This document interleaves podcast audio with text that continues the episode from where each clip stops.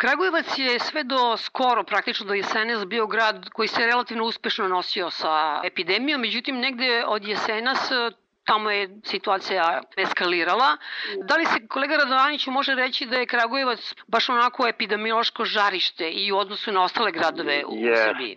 To kazuju činjenica da je Kragujevac s obzirom na broj stanovnika, broj ljudi koji ovde živi, to negde oko 200.000, a da je u minulih dana imao i po 300-400 dnevno boleli od COVID-19 bio najveće žarište i zaraze koronavirusom u Srbiji, a možda i šire. Više razloga tome, jedan je taj što je Kragujevac zdravstveni, univerzitetski, industrijski i ini centar kojem gravitira oko 2 miliona ljudi centralne, zapadne, jugozapadne Srbije te severa Kosova, da ovaj, kao univerzitetski centar to je dosta mladog svijeta sa strane.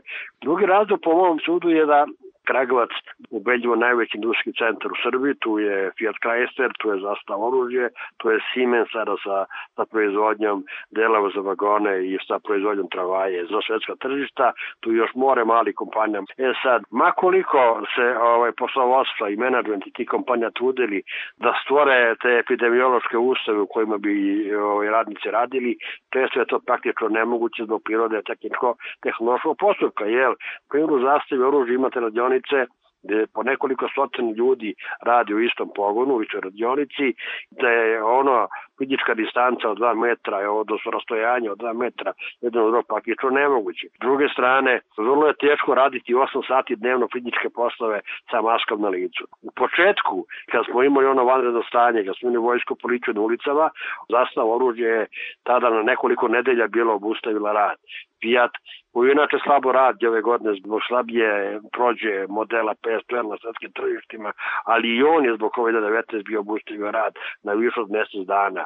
Siemens je otpustio sve radnike, ne otpustio, nego je dozvolio svim radnicima koji su stari od 60 godina, a i onima koji imaju malu decu i koji su slabijeg zdravstvenog stanja razdolili ime da, da ne rade ili da rade od kuće. To su sve mere koje se više ne primenju.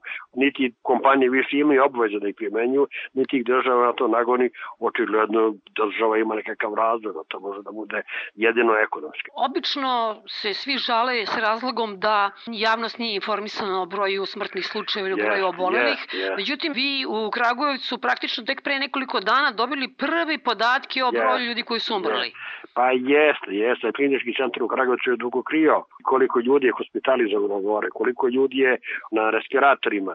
Tako da, da, da je grupa Kragujevačkih novinara, među njima sam bio i ja, bila prisiljena da piše pismo Ministarstvu zdravlja i da se žali na menadžment kliničkog centra, konkretno na VD direktora te ustanove, doktora Predraga Sadanovića. To je večni direktor ona, je li tako? Pa veći, veći VD direktor da. kliničkog centra u Kragujevcu. Pošto da ne ispunjava uslove da bude direktor, a podoban je partijski kadar, onda ga to oni drže tu već godinama na mestu VD, što je proti svih zakona, ali dobro, ovo je zemlja Srbija, jel? Ej, mi smo pisali ovo to pismo tražeći da mu ministarstvo naloži da se otvori prema javnosti, tim pre ponavljam što tom kliničkom centru gravitira 2 miliona ljudi Tako da ne samo da je šumarijska javnost uskraćena za informacije o tome koliko ljudi tu leži, koliko ljudi na respiratoru, koliko ljudi dnevno umire, nego su te informacije uskraćeni i ljudi iz zapadne Srbije, no tamo su ovaj lokalni domovi zdravlja, lokalne bolnice obaveštavale javnost koliko ljudi preminuo, tako da su oni znali, ali ni u Šumadiji nismo. Pa smo se dovili na razne načine, pa smo tako i uz pomoć javno komunalno preća Šumadije, okolo kojeg deluju gradska groblja, pa prema njihovim podacima koliko je ljudi sahranjeno tog i tog dana u Kragoviću, koliko je isporučeno, ne znam, Novi Pazar, Užice, nekako saznavali plike koliko je ljudi umrlo toga dana ili te nedelje u kliničkom centru Kragovića od COVID-a. Ali zvaničan podatak je... Ne, ne, ne, pa jeste taj zvaničan podatak 42 šomadinaca i 30 Kragujevčana nije saopštio klinički centar, opet nego je saopštio institut za javno zdravlje na osnovu prispelih podataka o, o broju umrlih od slovena i tako dalje i tako dalje.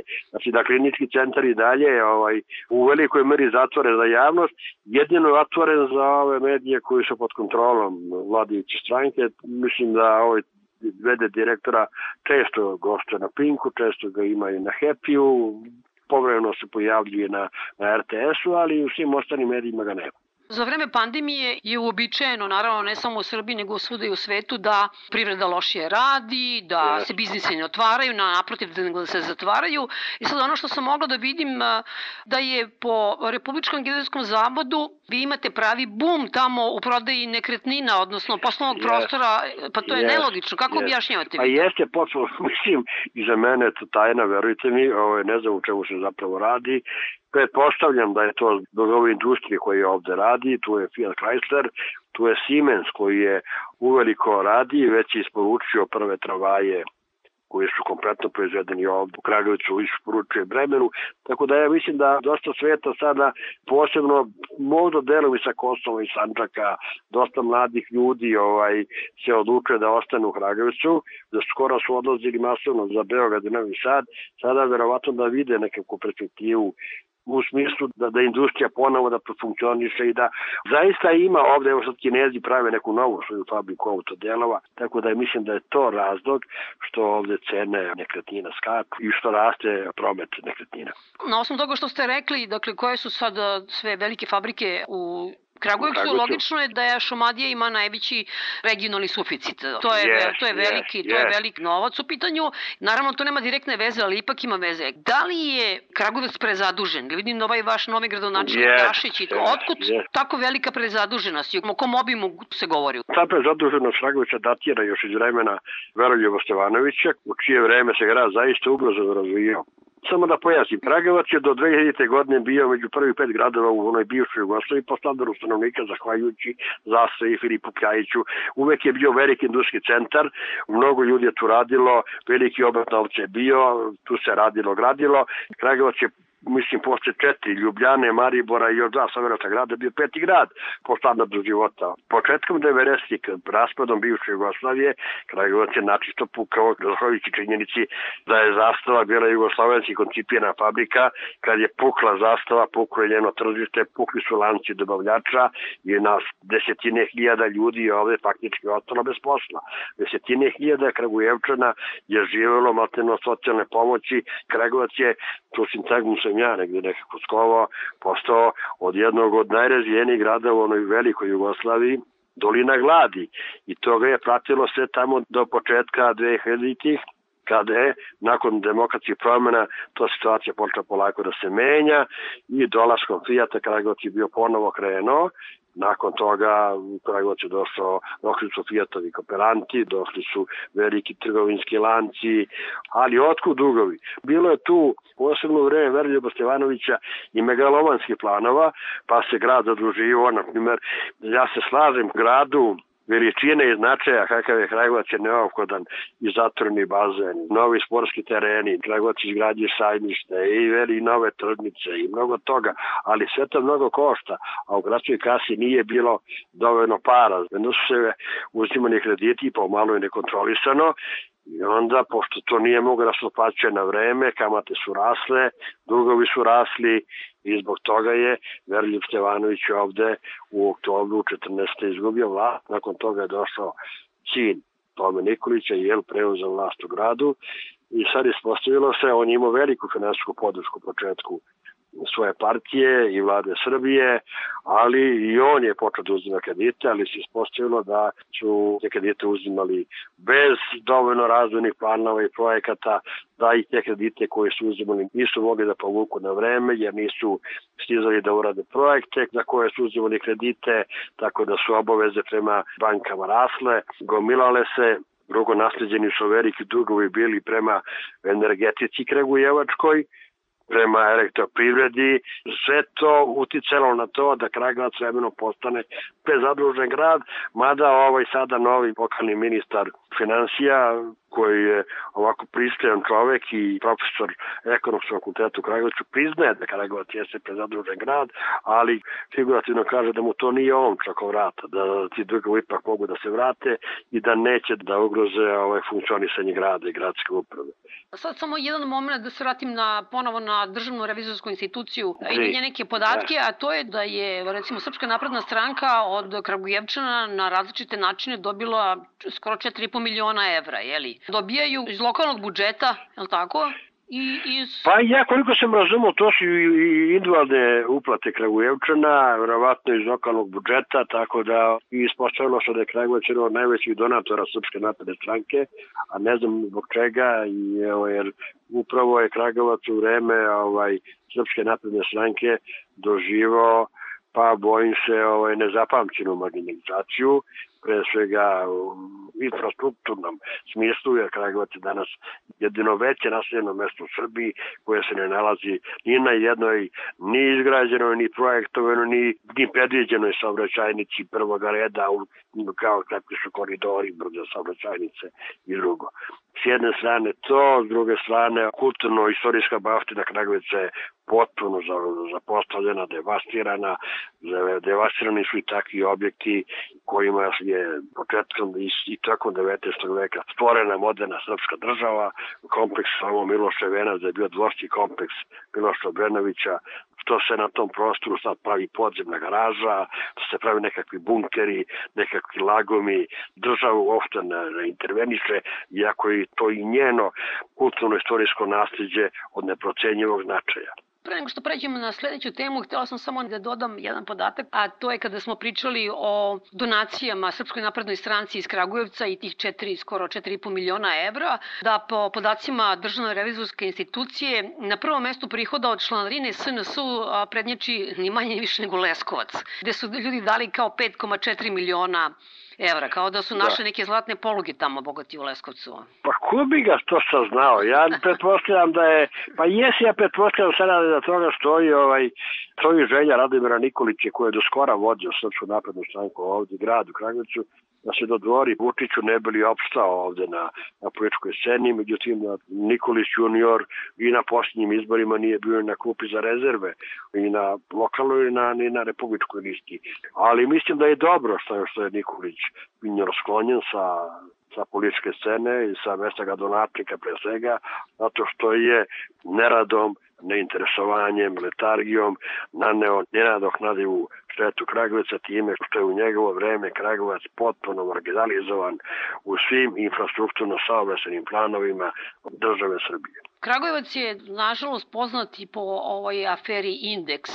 Yes. Samo da se kratko podsjetimo, dakle 2007. godine... Uhapšena je grupa od 26 profesora i saradnika pravnog fakulteta, nakon toga uhapšeno njih u krivični postupak je obuhvatao 86 ljudi koji su na raznoraze načine bili uključeni u, u prodiju diploma ispite na pravnom fakultetu. To je ovaj, najveća korupcijnaška afera u srpskom visokom obrazovanju od tamo 1838. kad je u Kragujevcu osnovan licej, pa sve do, do današnjih dana.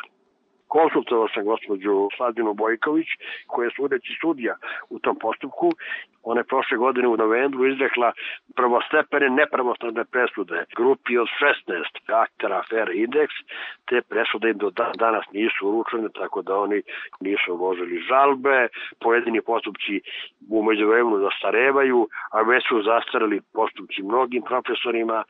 Podsjetit ću vas da su Hrvati imali stisku aferu, da se završili za 9 meseci ko su ljudi koji su osuđeni u prvostepenom postupku na zatvor? Znači, neki od njih su još uvijek na univerzitetu, umeđu vremenu su napredovali na pravnom fakultetu. Jesu, jesu, pa da, evo ovako, osuđen je na, na najtežu kaznu od 8 godine, osuđen je bivši dekan Sveto Purić, pre izricanja presude, on je nakon izlaska iz pritora i u vreme trajanja postupka bio ponovo napređen na jednu od vodećih funkcija na fakultetu, prodekan čini mi se za financije.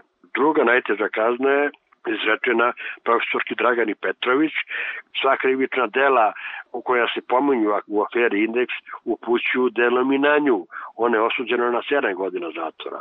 Profesor Dragan Bateveljić, profesor ustavnog prava, je osuđen na 6 godina. On i dalje predaje na, na pravnom fakultetu u Kragovicu. Tu je sada Srđan Đorđević koji je osuđen na tri godine, čovjek je među vremenu avanzavo, sad je prodekan za nastavu. Ostalo je još da, da se izrekne presuda nekadašnje drugogodišnjem dekanu pravnog fakulteta, gospodinu Bori Čejoviću, koji je po meni rodonačenik svega toga što se dešavalo. I gospodinu Branislavu Markoviću, koji je otac nekadašnje funkcionerke demokratske stranke, a sada Srpske napredne stranke Jelene Trivan, Njihov predmet je zbog njihovih godina i zdravstvenog stanja izvojen iz ukupnog predmeta moj omiljeni lik iz te grupe je ovaj Domar. Kako je Domar osuđen na tri godine? možda da mislite koliko je to. To je bio jedan buvljak, mislim, to je bila javna tajna. Ali oni su toliko bili izgubili me, toliko su bili se bahatili, da su to javno bukvalno radili, da su uključili tu i Domare, i autolimare.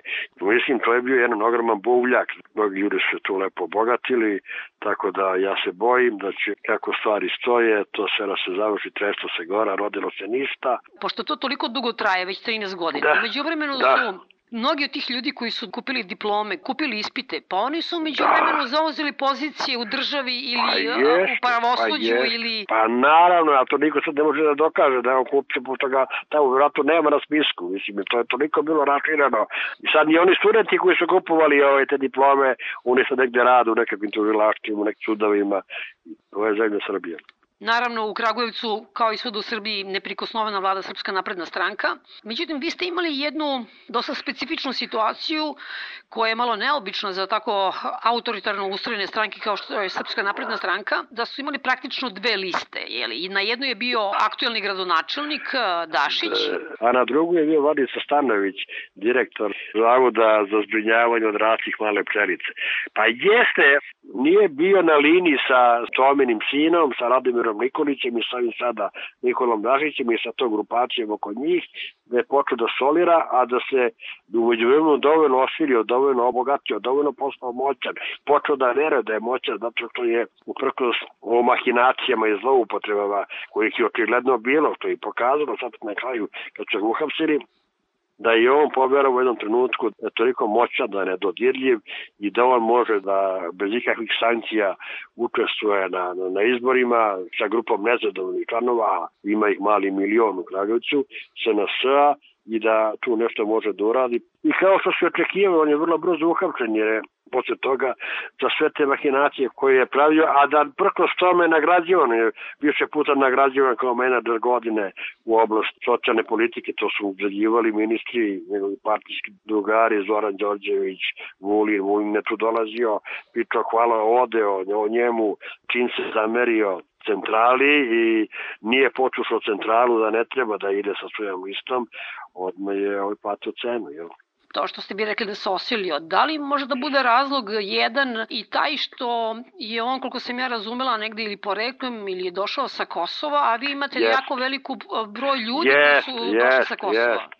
Pa da, pa Kragovac upravo zbog zastave koja je 50. godina ovde počela proizvodnja automobila, nasilno pokupila su, su mladež iz okolnih sela i onda kako se proizvodnja razvijela, više nije bilo dovoljno mladog sveta koji mogu da radi u ovoj industriji ovde u Somadini, pa se onda krenulo na Kosovo, pa se krenulo na Sandžak, pa su onda je dovozili ih vozovima, autobusima, na kraju su ih dovozili kamionima. Na kraju za njima su posle dolazili njihovi rođaci, njihovi prijatelji, Samo da vam kažem, krajem 80-ih imao zastava 50.000 radnika.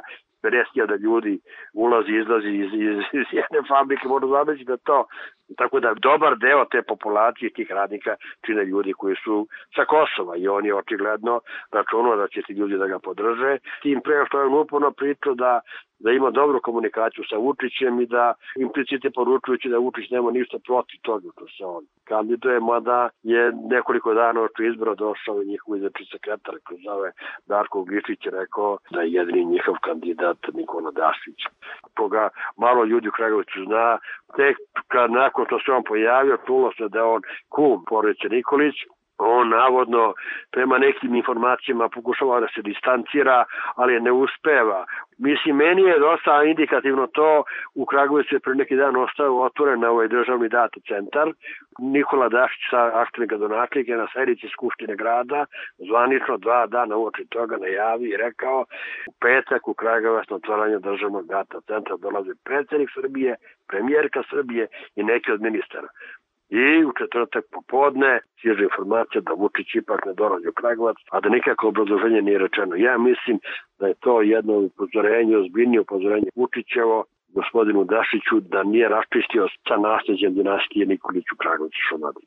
Kolega Radovanoviću, mnogo vam hvala na ovom razgovoru. I hvala vama.